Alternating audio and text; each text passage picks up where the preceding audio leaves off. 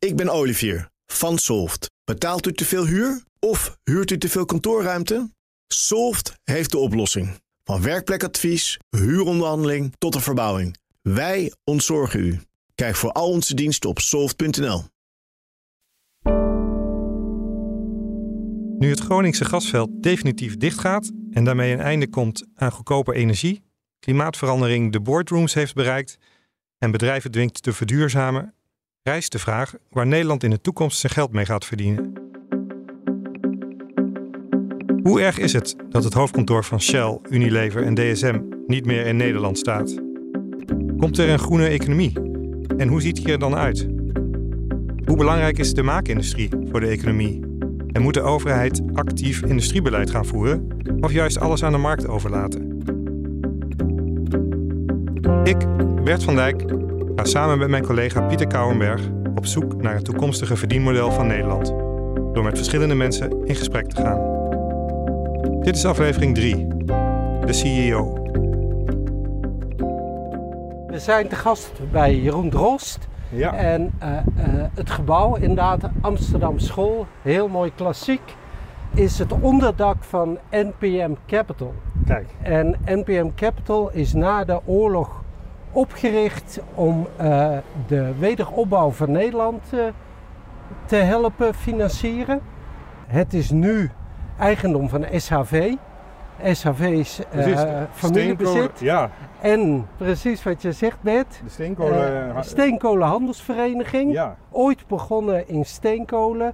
En daarna, toen er gas gevonden werd in Slochteren, uh, zijn ze overgestapt op gas. Ze zijn nu groot in olie- en gaswinning in onder andere de Noordzee. Met Juan Diaz is dat geloof ik? Met Juan Diaz, ja. met meneer Van Poeken en meneer Groening, ja. ex-ABN AMRO. Uh, ze zijn een van de grootste in van die gastankjes oh ja. die je uh, bij je tent of bij je caravan hebt. Maar ook bij al die afgelegen dorpjes en steden in Afrika, het Midden-Oosten, Frankrijk. Precies, dus wereldwijd. Wereldwijd waar geen gasleidingen liggen. En daar uh, verkopen ze gastankjes. En dat SHV is ook bezig met een transitie. En ze bereiden zich eigenlijk voort op een, uh, op een nieuwe toekomst, een duurzame toekomst. En daar gaan we nu over praten. En we gaan onder andere praten hoe zij kijken naar olie en gas. Precies.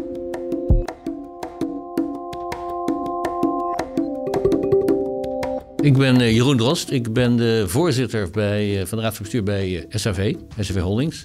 En jullie zijn vandaag welkom en te gast bij NPM, NPM Capital in Amsterdam een van de groepen binnen SAV. En wat is NPM Capital? NPM Capital is opgericht na de oorlog voor het herstel van Nederland. Om te investeren in bedrijven, bedrijvigheid, deelneming te geven. Om te faciliteren dat we in de wederopbouw van Nederland zo goed mogelijk van start konden gaan. Dus eigenlijk zitten we bij een van de bedrijven die hebben, die als geen ander weten waar Nederland zijn geld mee zou kunnen verdienen in de toekomst. Dat hoop ik wel. We hebben NPM in 2000 geloof ik uh, gekocht, van de beurs gehaald. Onderdeel gemaakt van SAV. Tot die tijd was het onderdeel van de staat en verzekeringen. En NPM richt zich tot, heden, uh, tot op heden op het investeren in, Nederlandse in Nederland gevestigde bedrijven. Maakt u zich eigenlijk zorgen om het verdienvermogen van Nederland? Ja, we, we, maken ons zeker zorgen over het verdienvermogen van Nederland. We worden natuurlijk geconfronteerd met, nou, het laatste is dan inflatie. Daarvoor hadden we natuurlijk de pandemie. We hebben tekort aan arbeidskrachten.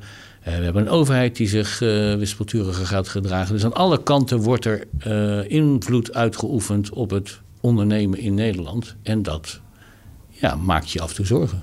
En die zegt, de overheid wordt wispelturiger. Op welke manier? Kijk, moet je je voorstellen, wij zijn een industrieel bedrijf waar wij soms investeringen nemen voor uh, investeren in fabrieken. En dan neem je investeringen voor 40 jaar. Nou, niemand verwacht een absolute zekerheid voor 40 jaar. Maar om een investering te doen in een fabriek, werkgelegenheid creëren en dergelijke, wil je wel een zekere mate van zekerheid hebben in het ondernemingsklimaat, het fiscale klimaat, uh, rechtszekerheid en dergelijke, om zo'n investering te kunnen doen. Want je moet op slotverrekening terug gaan verdienen. Ja. Nou, en dat is in Nederland de afgelopen jaren, in mijn beleving, een stuk minder voorspelbaar. Maar heeft u daar een concreet voorbeeld van? Van een, een beleidswijziging die. Er zijn denk ik meerdere dingen. Kijk naar het beleid in de landbouw, waar we eerst stimuleren, dan weer afbouwen. Kijk naar fiscale maatregelen, waar we eerst uh, elektrische auto's uh, subsidiëren en we dan weer afbouwen. Kijk naar, uh, ja, dat, het, het, is een heel breed scala. We hebben jarenlang als Nederland geprofiteerd van een internationaal verdrag, een belastingverdragennetwerk, wat, wat, wat, wat uniek was in de wereld en goed werkte. Dat wordt zorgvuldig tegen gewerkt. Dus er zijn ja, op allerlei gebieden ontwikkelingen waardoor het minder voorspelbaar is. En dat gebeurt in de hele wereld overigens. Hè. Begrijp me ook heel goed. Het is niet alleen uniek in Nederland, maar het is hier de afgelopen jaren wel wispelturiger geworden. En wat, wat betekent dat dan voor het investeringsbeleid voor SHV in Nederland? wij investeren wereldwijd we zijn actief in, in, in, we hebben operaties in meer dan 50 landen, we zijn actief in meer dan 100 landen. Uh, en wij kijken ook echt globaal naar waar zijn de beste vestigingmogelijkheden. En dat ligt natuurlijk aan de toevoer, dat ligt ook waar de markten zitten, waar de arbeidskrachten zitten en dergelijke. Maar het is niet voor ons een gegeven dat wij in Nederland investeren. Dat is gewoon één van de mogelijke vestigingslanden. Maar u zegt net dat het uh, verslechterd is als klimaat, dus dat de neiging om in Nederland te investeren afneemt. Wij hebben de afgelopen jaren weinig nieuwe fabrieken, uh, activiteiten geopend uh, in Nederland. We hebben wel bedrijven, uh, geïnvesteerd in bedrijven, maar we hebben niet heel veel geïnvesteerd in, in, in, in, in fabrieken, bijvoorbeeld. Die we wel doen in andere landen. Heeft u de hoop dat, daar, dat het beleid minder wispelturig wordt of dat daar ja, wat meer consistentie komt? Nou, ik denk dat we dan eerst met elkaar een discussie moeten voeren over waar we naartoe willen met Nederland, met de Nederlandse economie. Ja. En waar is er plek voor, wat willen we wel, wat willen we niet. En als daar helderheid over is, en ik respecteer die keuzes, als daar helderheid over is, dan is het veel makkelijker om langjarige beslissingen te nemen. Dan als je dat niet, dat pad niet met elkaar gehad hebt. Maar je zou kunnen zeggen, de overheid heeft uh, een aantal grote thema's gedefinieerd. Klimaatverandering is natuurlijk voor de overheid heel belangrijk. Daar worden hele industrieën rondomheen gesubsidieerd. Als je kijkt naar de energiesector bijvoorbeeld, wind op zee, waterstof. Dat zijn toch vrij langetermijn sectoren die de overheid heeft aangewezen als zijnde... Uh, daar gaan wij ons geld mee verdienen. Daar gaan wij in investeren de komende jaren. Nou ja, ik weet niet of wij geld gaan verdienen met uh, het aanleggen van windmolens op zee. Ik denk dat dat een noodzakelijke voorwaarde is om de economie te verduurzamen en een lange termijn energievoorziening te krijgen die houdbaar is. Ja. Maar op zich gaan wij geen geld verdienen met wind op zee. Nee, maar goed, er komen industrieën omheen misschien. Hè. De, de Van Oorts, eh, de Boskalissen, die leggen ze aan, die installeren die, uh, die parken. Uh, ja, en de Twente Kabel legt de kabels neer. Dus er zit natuurlijk wel een ecosysteem omheen. Ja, en daar, daar spelen wij via Mammoet ook een rol in. En wij vervoeren die dingen allemaal en dergelijke. En dan zijn ze aangelegd en dan hebben we hopelijk een goede infrastructuur... die de rest van de economie gaat ondersteunen... om langjarig in de komende decennia structureel en houdbaar geld te verdienen. Precies, het is een noodzakelijke voorwaarde eigenlijk in de economie om uh, de rest te faciliteren. Dus, uh, de, ja. Het, het, is onhoudbaar dat wij doorgaan op de huidige manier. Uh, zowel op het gebied van gebruik van grondstoffen, of het gebruik van, de, van fossiele brandstoffen, noem het allemaal maar op. Die, die, die, die transitie die moet plaatsvinden, willen wij een structureel houdbare economie creëren in Nederland. En de belangrijkste constatering, ook in alle discussies die je daarmee hebt, is dat we met elkaar eens moeten zijn dat we een gezonde, houdbare, duurzame economie hebben voor de hele Nederlandse samenleving. Want zonder gezonde economie is er überhaupt geen gezonde, duurzame samenleving te creëren.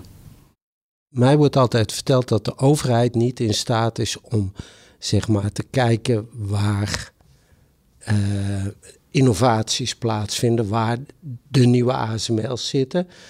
Um, en toch hoor ik je zeggen, um, de overheid moet duidelijk maken waar wij ons geld mee gaan verdienen. Nee, de overheid moet in mijn visie niet kiezen welke sectoren, want ik denk dat de, Nederlandse, dat de politiek in zijn algemeenheid dat niet heel goed kan. Ik denk dat een overheid zich moet richten op het reguleren en het faciliteren om het bedrijfsleven en ondernemers de kans te geven om die ontwikkelingen uh, te doen gebeuren een overheid laten kiezen voor welke sector over 30 jaar, 40 jaar succesvol is, lijkt me een vrij ingewikkelde. De markt zal zijn werk wel doen. Maar de overheid is er wel om het te faciliteren, daar waar de markt zijn werk niet kan doen, te reguleren, daar waar de uitwassen zijn. En daar horen in de brede zin van het woord uh, belastingregels over, uh, handhaafregels over, noem het allemaal maar op. Waar zit volgens jou voor Nederland de toekomst? Want er zijn stemmen die zeggen uh, bijvoorbeeld de landbouw, tomaten uh, telen moet je in Spanje laten doen en de expertise van de kasbouw, dat verkopen we wel. Uh, en alle ballen moeten op de chipindustrie. Ehm, en derde zeggen nee, de maakindustrie is essentieel voor Nederland, gegeven de hele discussie over strategische autonomie. Ja, dat zijn een paar discussies door elkaar heen en daar is niet een eenduidig antwoord op te geven. Ik denk dat er een paar beperkende maatregelen zijn in een land als Nederland. Nederland heeft de omvang die het is, uh, met een bevolkingsgroei die doorgaat. We maken gebruik van de schaarse ruimte in de stikstof en de CO2-uitstoot. En we hebben goedkoop gas gehad. Al die dingen zijn niet houdbaar en alle industrieën die puur daarop drijven, die hebben denk ik op de nou, korte, middellange, langere termijn geen plek in de Nederlandse economie. Wat wij wel hebben, is de best opgeleide bevolking. We hebben een goed onderwijssysteem, ook al loopt het achteruit. Nederland is hoog opgeleid. We hebben een goede strategische locatie. We hebben een goede handelsgeest, een goede infrastructuur. Er zijn een heleboel mogelijkheden in de industrieën waar je de kennis die wij hebben, de ligging die we hebben, de ervaring die we hebben kunnen gebruiken zonder dat je gratis en voor niks gebruik maakt van schaarse ruimte op het gebied van CO2-nitraat, noem het allemaal maar op. En dat zijn volgens mij de sectoren waar Nederland succesvol in zal zijn. Allemaal consultants of handelaren? Nee, consultants, handelaren kan, consultants adviseren andere mensen die geld verdienen. Wij hebben nodig mensen die investeren in technologie en dat op een of andere manier omzetten naar producten die nodig zijn in de maatschappij, in elektrificering. Consultants adviseren, die vervullen een nuttige rol, maar ze adviseren wel een ander, een bedrijf, een ondernemer, noem het al, ondernemersteun, noem maar op, om geld te verdienen. Dus helemaal niet in het consultancy en dergelijke, maar in het daadwerkelijk ontwikkelen en omzetten naar producten van technologische ontwikkeling. En dat kan rond clusters als ASML rond Eindhoven heeft, of biotechnologie in, in Delft, noem het allemaal maar op. Dat zijn kenniscentra waar de wetenschap, de ondernemingen, de handelsgeest en bij elkaar komen om structurele clusters te creëren die passen binnen het beeld van Nederland met zijn beperkte ruimte, met zijn beperkte mogelijkheden qua huisvesting, uitstoot en dergelijke, die we nou eenmaal hebben. We, we zijn wie we zijn. Zit die toegevoegde waarde dan vooral in, het, in de, de ontwikkeling, het onderzoek, het onderwijs en het, zeg maar, het bedenken van nieuwe producten en diensten? Of zit het de toegevoegde waarde uiteindelijk ook in het hier in Nederland maken dus van de producten? Sommige wel, sommige niet. Kijk, de discussie over uh, geopolitieke strategische autonomie, die loopt hier dwars doorheen. Als, als wij ook medegegeven de, de, de, inval in de Oekraïne, uh, self-sufficient willen zijn op allerlei gebieden, dan is dat een andere discussie, een belangrijke discussie, maar een andere discussie dan over de, hoe, de, hoe de economie, welke sectoren zich op de lange termijn in Nederland succesvol zouden moeten kunnen uh, vestigen. Als wij als Nederland vinden dat wij self-sufficient moeten zijn, dan moet je afvragen op welk gebied. En dan gaan we een hele andere indeling van het land krijgen met een heel ander gebruik. Ik, ik, vraag me af of Nederland, gezien zijn omvang, de ligging, onderdeel van de Europese Unie, of dat nou de hoogste prioriteit heeft. Sommige sectoren ja. Voeding kan ik me iets bij voorstellen. Gas hebben we geleerd. Maar ik denk niet dat dat een structureel houdbare maatschappij gaat opleveren. Wij zijn goed in het ontwikkelen van producten. Dat hebben we ook altijd gedaan.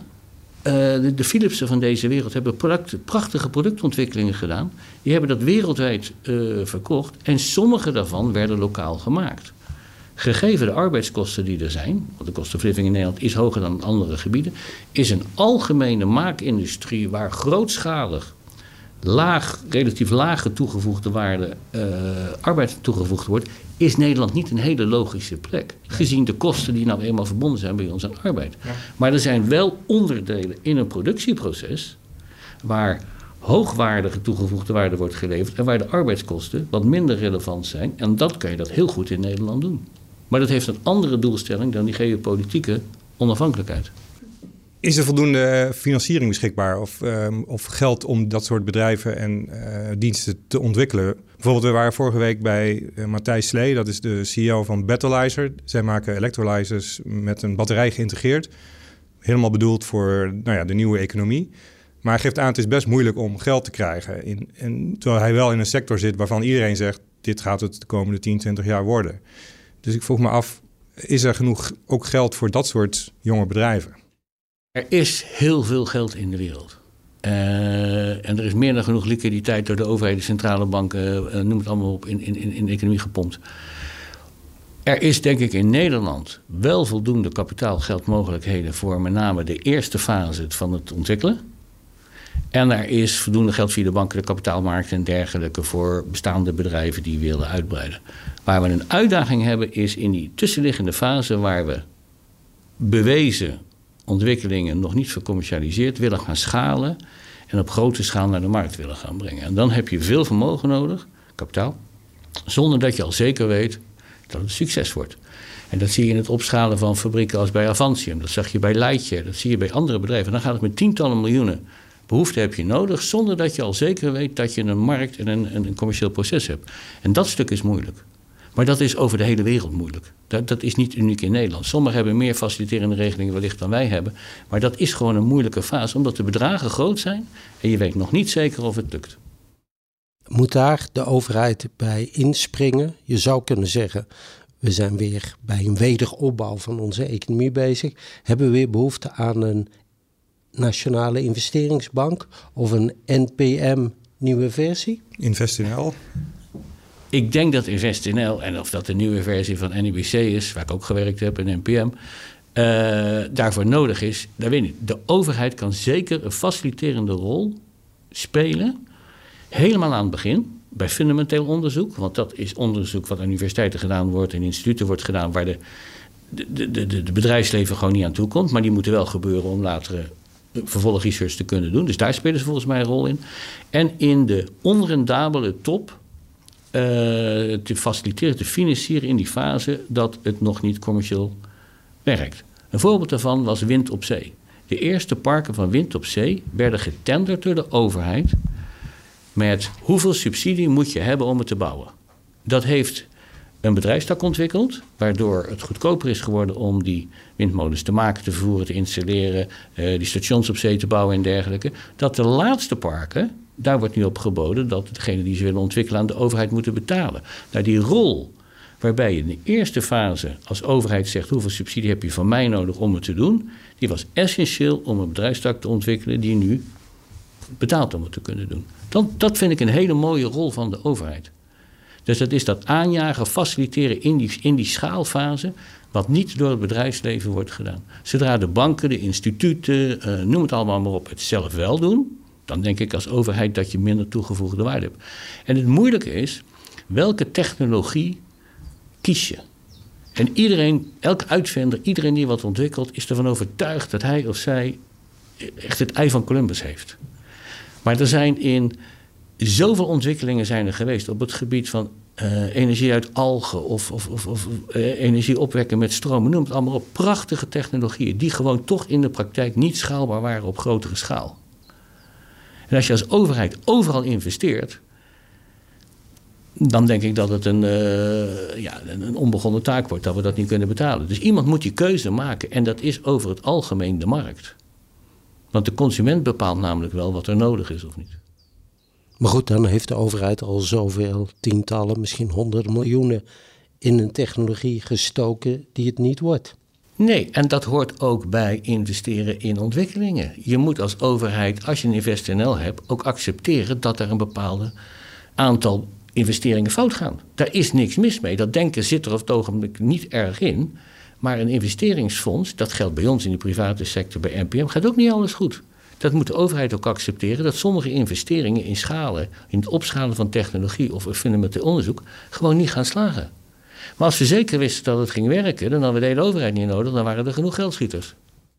En hebben we voldoende met InvestNL en het Groeifonds, ook wel bekend als het Wopke Wiebesfonds? Ik weet niet of het genoeg is of niet. En als het nodig is, dan is de Nederlandse economie zo gezond dat het altijd mogelijk moet zijn om daar meer kapitaal bij te halen. Want laten we wel wezen, de economie van Nederland is zeer daadkrachtig en er is meer middelen uh, te mobiliseren als het nodig is. De vraag is of het op het ogenblik een tekort is, of er een tekort is, of dat er een tekort is aan juist de goede mogelijkheden om te investeren. En daar weet ik het antwoord niet op. Dat zou je aan InvestNL kunnen vragen. Maar ik geloof niet dat, dat er een beperking zit in het kapitaal. Vindt u als de overheid uh, bepaalde thema's definieert, zoals klimaatverandering, en daar hoog op inzet, dat de overheid dan ook een rol heeft om bedrijven te helpen bij het vergroenen. Bijvoorbeeld als je kijkt naar Tata Steel, wat een groot industrieel complex is in Nederland. Vindt u dat dat bedrijf dat zelf moet uh, doen, die, het betalen, het financieren van, van die vergroening? Of is daar ook een rol voor de overheid weggelegd? Ik denk dat er een rol van de overheid is. Kijk, het definiëren van de problemen die we als maatschappij hebben, dat, dat is niet een pure overheidstaak. Dat raakt ons, dat, dat betreft ons allemaal. Iedereen die in dit land woont, iedereen, alle bedrijven, noem het allemaal maar op. En de overheid kan definiëren wat zij denken de grootste prioriteit heeft. Maar het is een probleem van ons allemaal. Ook van de bedrijven die in die sectoren zitten en die bijdragen aan die vervuiling en dergelijke allemaal. Als er niet een structureel houdbaar bedrijfsmodel is, waarbij je alle kosten meeneemt in het produceren van dat product, en dat is wat er volgens mij niet goed gaat, nog in de landbouw, nog bij data, nog bij de goedkope glastuinbouw, als je niet alle kosten verdisconteert in dat product, omdat het onmogelijk is om dan je product winstgevend te verkopen, dan moet je je als ondernemer afvragen of je een goed product hebt. En gebruik maken gratis van CO2-rechten of gebruik maken van goedkoop gas of gebruik maken van uh, stikstof en dergelijke, zonder dat je dat in de producten verprijst, ja, dat is geen houdbaar businessmodel, want er is namelijk gewoon schaarste. Maar dat betekent voor Nederland dat er, als we dat zouden doortrekken, daar, dat er veel industrie zou verdwijnen. Daar verdwijnt al sinds de oorlog veel industrieën. De hele textielindustrie in Twente is vertrokken. De wolindustrie, ik kan nog even doorgaan, de scheepsbouw. We hebben een heleboel dingen gehad omdat we ons ontwikkeld hebben als maatschappij... en sommige activiteiten niet meer in het beeld van Nederland pasten. En dat is geleidelijk gegaan. En dat gaat door, omdat er ontwikkelingen zijn die gewoon niet kunnen. Maar er is ook een kans. Er is een structureel tekort aan arbeidskrachten op het ogenblik. We kunnen geen arbeids vinden, goed opgeleide, uh, die nodig zijn in de hele elektrische sector, en noem het allemaal maar. Overal is er een arbeidstekort. Dus als je een moment kiest in de, maatschappij, in, in ontwikkeling van de maatschappij, waarbij je een transitie kan maken van werkgelegenheid van mensen die nu werken in sectoren die op de lange termijn niet houdbaar zijn, naar andere, dan is er geen mooier moment om dat te doen dan nu. Want iedereen, er is, er is volledige werkgelegenheid in het land. We hebben zelfs een tekort. Dus waarom zouden we ons zo druk moeten maken over de werkgelegenheid die verloren gaat met het verdwijnen van een industrie die op de lange termijn toch niet houdbaar is? Omdat de timing natuurlijk niet helemaal synchroon loopt met het, het opbouwen van nieuwe industrieën misschien. Maar ik zeg ook niet dat het morgen moet. Maar als je er niet mee begint, dan kom je er in ieder geval niet. En de discussie voor je uitgooien en de rekening allemaal bij de overheid neerleggen, dat is veel te makkelijk. Een ondernemer neemt risico, die verdient geld als het goed gaat. En als het zijn product ophoudt. In de jaren 50, SAV was 100% kolenhandel. En toen vonden we gas in Slochteren. En toen had vijf jaar later niemand meer kolen nodig. Toen zijn we niet naar de overheid gegaan en gezegd: mogen wij geld hebben, want niemand heeft meer kolen nodig. Dat is ondernemersrisico. SW heeft zichzelf opnieuw uitgevonden en is in andere activiteiten gedaan en is succesvol geworden in die andere activiteiten. En dat geldt dus ook voor die sectoren die, omwille van het klimaat, tekort aan arbeid, tekort aan ruimte, gewoon in Nederland niet horen.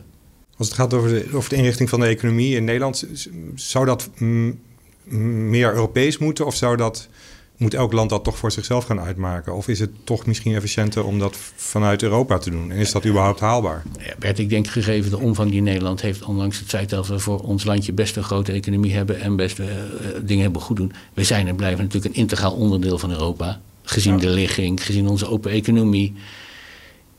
Waarom zou je dat niet samen doen?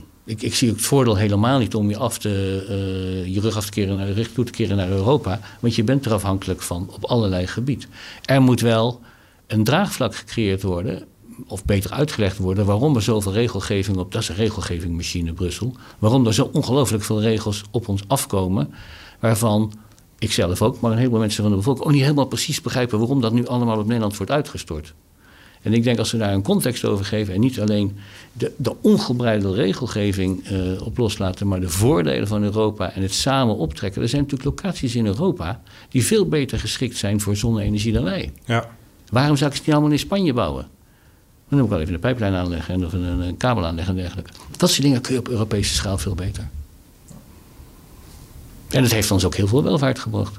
Ja. Wat zie je als de grootste bedreiging voor dat verdienvermogen van eh, de BV Nederland?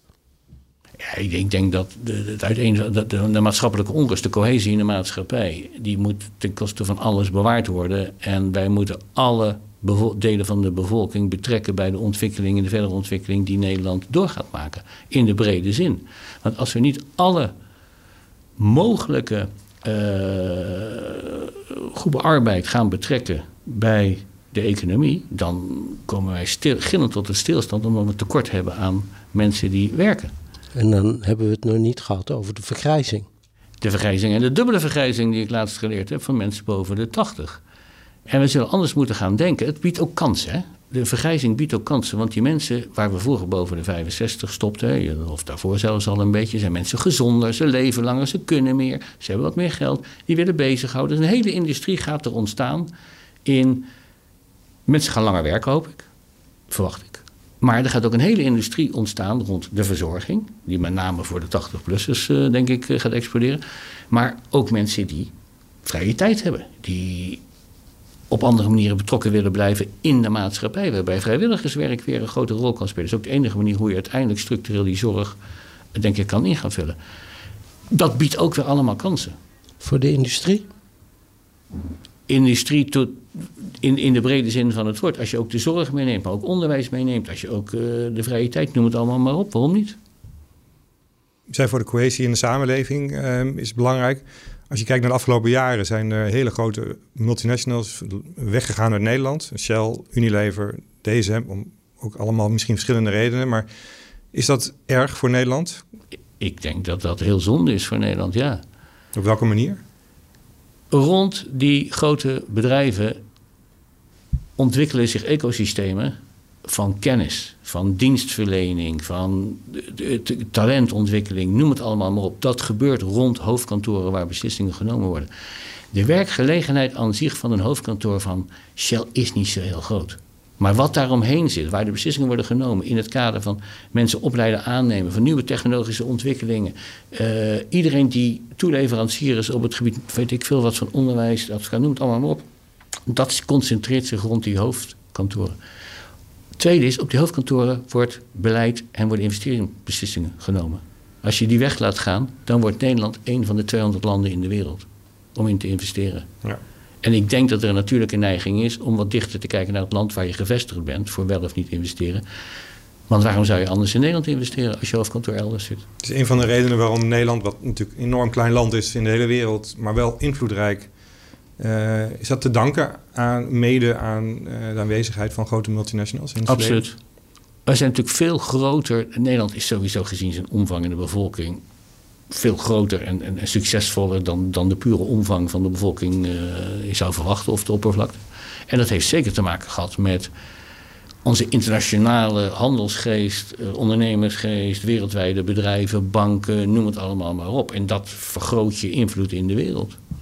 Hoe kijk je dan aan tegen het feit dat het lijkt alsof we in Nederland onze rug toe willen keren naar Shell? In die zin dat aan de universiteiten uh, gezegd wordt: wij willen niets meer met Shell te maken hebben, geen leerstoelen financieren, geen onderzoek eh, financieren. Dat de Tweede Kamer niet rouwig gelijk te zijn dat Shell is verhuisd. Ik bedoel, hoe, hoe keren we dat klimaat? Ik vind dat enorm kortzichtig. Kijk, er is niemand groter geworden door een ander klein te maken. En dat geldt ook voor sectoren of bevolkingsgroepen of activiteiten. Het bedrijfsleven moet zijn rug keren naar de politiek of de maatschappij. En andersom ook niet, daar word je niet beter. Je moet in overleg blijven met elkaar, want je hebt elkaar nodig om het te doen. Als er fouten worden gemaakt, dan in het bedrijfsleven, dan in de politiek en de maatschappij, dan moet je daar eerlijk over kunnen praten en die corrigeren.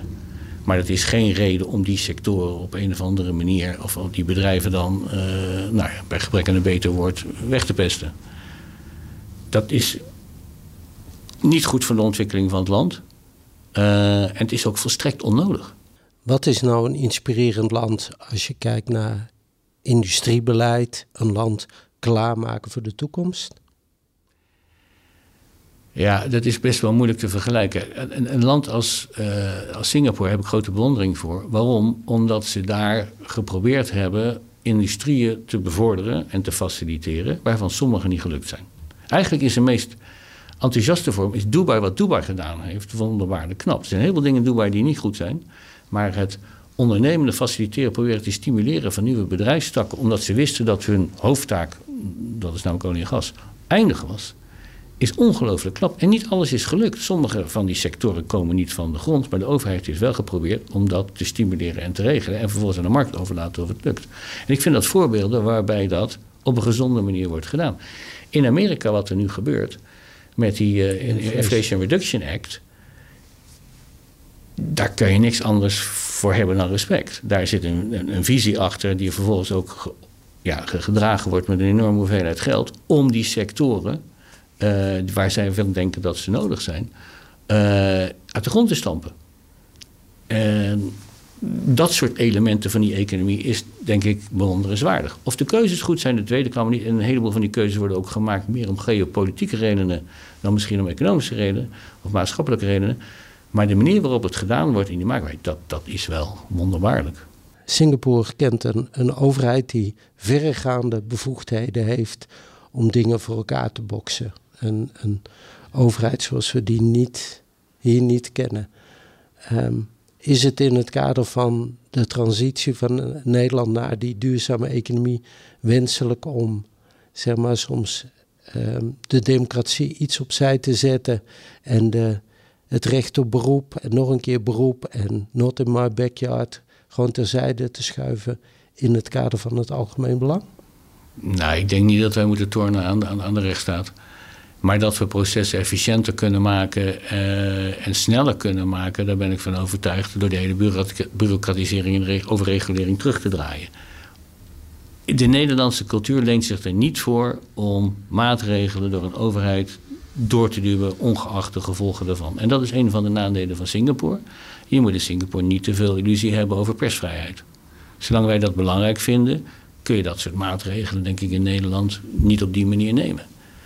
En dat past denk ik bij de Nederlandse cultuur, waar we ook grote succesvolle zijn geworden zijn. Dus ik zou niet weten waarom we dat zouden veranderen. Maar dat wil niet zeggen dat we wel met z'n allen moeten proberen om de uitvoering van die regelingen sneller en efficiënter te zijn.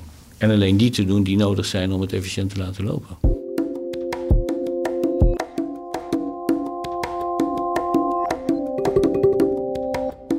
Zo Bert, we zijn weer buiten. Uh, gesprek gehad met uh, meneer Drost. Wat vond je? Nou, ik vond het wel echt uh, heel interessant en leuk. En, um, ja, ik vond vooral wat hij zei over, we hebben het natuurlijk gehad over de industrie en over Tata Steel. En daar was hij toch verrassend over, vond ik. Van dat eigenlijk, hij zei van ja, als je gewoon alles inprijst, dan is er eigenlijk geen plek meer voor. En hij zegt, en het mooie wat ik wel vond, is, hij zei van ja, het is juist als je in een tijd zit met veel schaarste, we hebben natuurlijk volledige werkgelegenheid dan is, dat, is het nu de tijd eigenlijk om je transitie te doen. Dus dit soort bedrijven waarvan je weet dat ze op lange termijn misschien geen toekomst hebben, dan moet je dat nu doen, want die mensen kun je meteen gebruiken om weer iets nieuws op te starten. Dus dat vond ik wel een hele mooie, een mooie notie. En waar maakt hij zich volgens jou het meeste zorgen over? Uh, nou, een aantal dingen. In ieder geval de regulering in Nederland. De, veel te veel regels. Moet, dat kan allemaal een stuk minder. En op lange termijn uh, ja, de grote vergrijzing in Nederland en het onderwijs. Dat zijn toch wel de drie dingen waar hij zich zorgen over maakt. En die vergrijzing, wat betekent dat dan? Dat, dat we eh, straks gewoon, uh, ja, eh, de, de, grote delen van het land zijn boven de 80 en boven de 60. En dus uh, veel meer ook eenpersoonshuishoudens. Dus de hele woningmarkt gaat veranderen. Het heeft consequenties voor de zorg. Dus dat, ja. En ehm, maakt de overheid voldoende vaart? Hij is nogal een fan van Singapore. Ja, Dubai. Dat is niet de enige, die, die horen we vaker. Deze... Het is een beetje rode draad, hè? Dat, dat we eigenlijk een daadkrachtige overheid ja, willen. Maar hij, ja, hij zit er toch wel iets anders in dan anderen. Vertel. Nou, hij vindt niet dat je aan de rechtsstaat moet tornen. Dus op wat voor manier ook maar iets de democratie inperken of inspraak, daar is hij geen voorstander van. Dat is toch echt absoluut, uh, daar, wordt niet, daar moet je niet aan tornen. En ook de stikstofcrisis, ja, dat heeft de overheid zelf gecreëerd. En dan met door allerlei geitenpaadjes uh, te verzinnen om er weer uit te komen. Ja, dat die dan terug wordt gefloten door de rechter, dat, dat vindt hij ook terecht, zeg maar. Dus dat vind ik wel mooi. Uh, de rechtsstaat zat echt helemaal bovenaan. Dus nou, ik vond het, ja, het was heel interessant Dankjewel voor het luisteren. Dit was hem voor deze week. Volgende week gaan we in gesprek met Esther Barendrecht, hoofdeconoom van Rabobank. De voorlopers op duurzaam ondernemen die zeiden... wij denken dat zo'n 40% van de Nederlandse bedrijven eigenlijk niet in staat is om deze transities die op ons afkomen te door, ja, om daarin mee te gaan. Redactie en montage door Bert van Dijk, Pieter Kouwenberg en Jildau Bijboer. Met dank aan Hella Huuk, Anouk Turkenburg en Pauline Sewuster. Ik ben Olivier van Solft. Betaalt u te veel huur of huurt u te veel kantoorruimte? Solft heeft de oplossing. Van werkplekadvies, huuronderhandeling tot de verbouwing. Wij ontzorgen u. Kijk voor al onze diensten op soft.nl.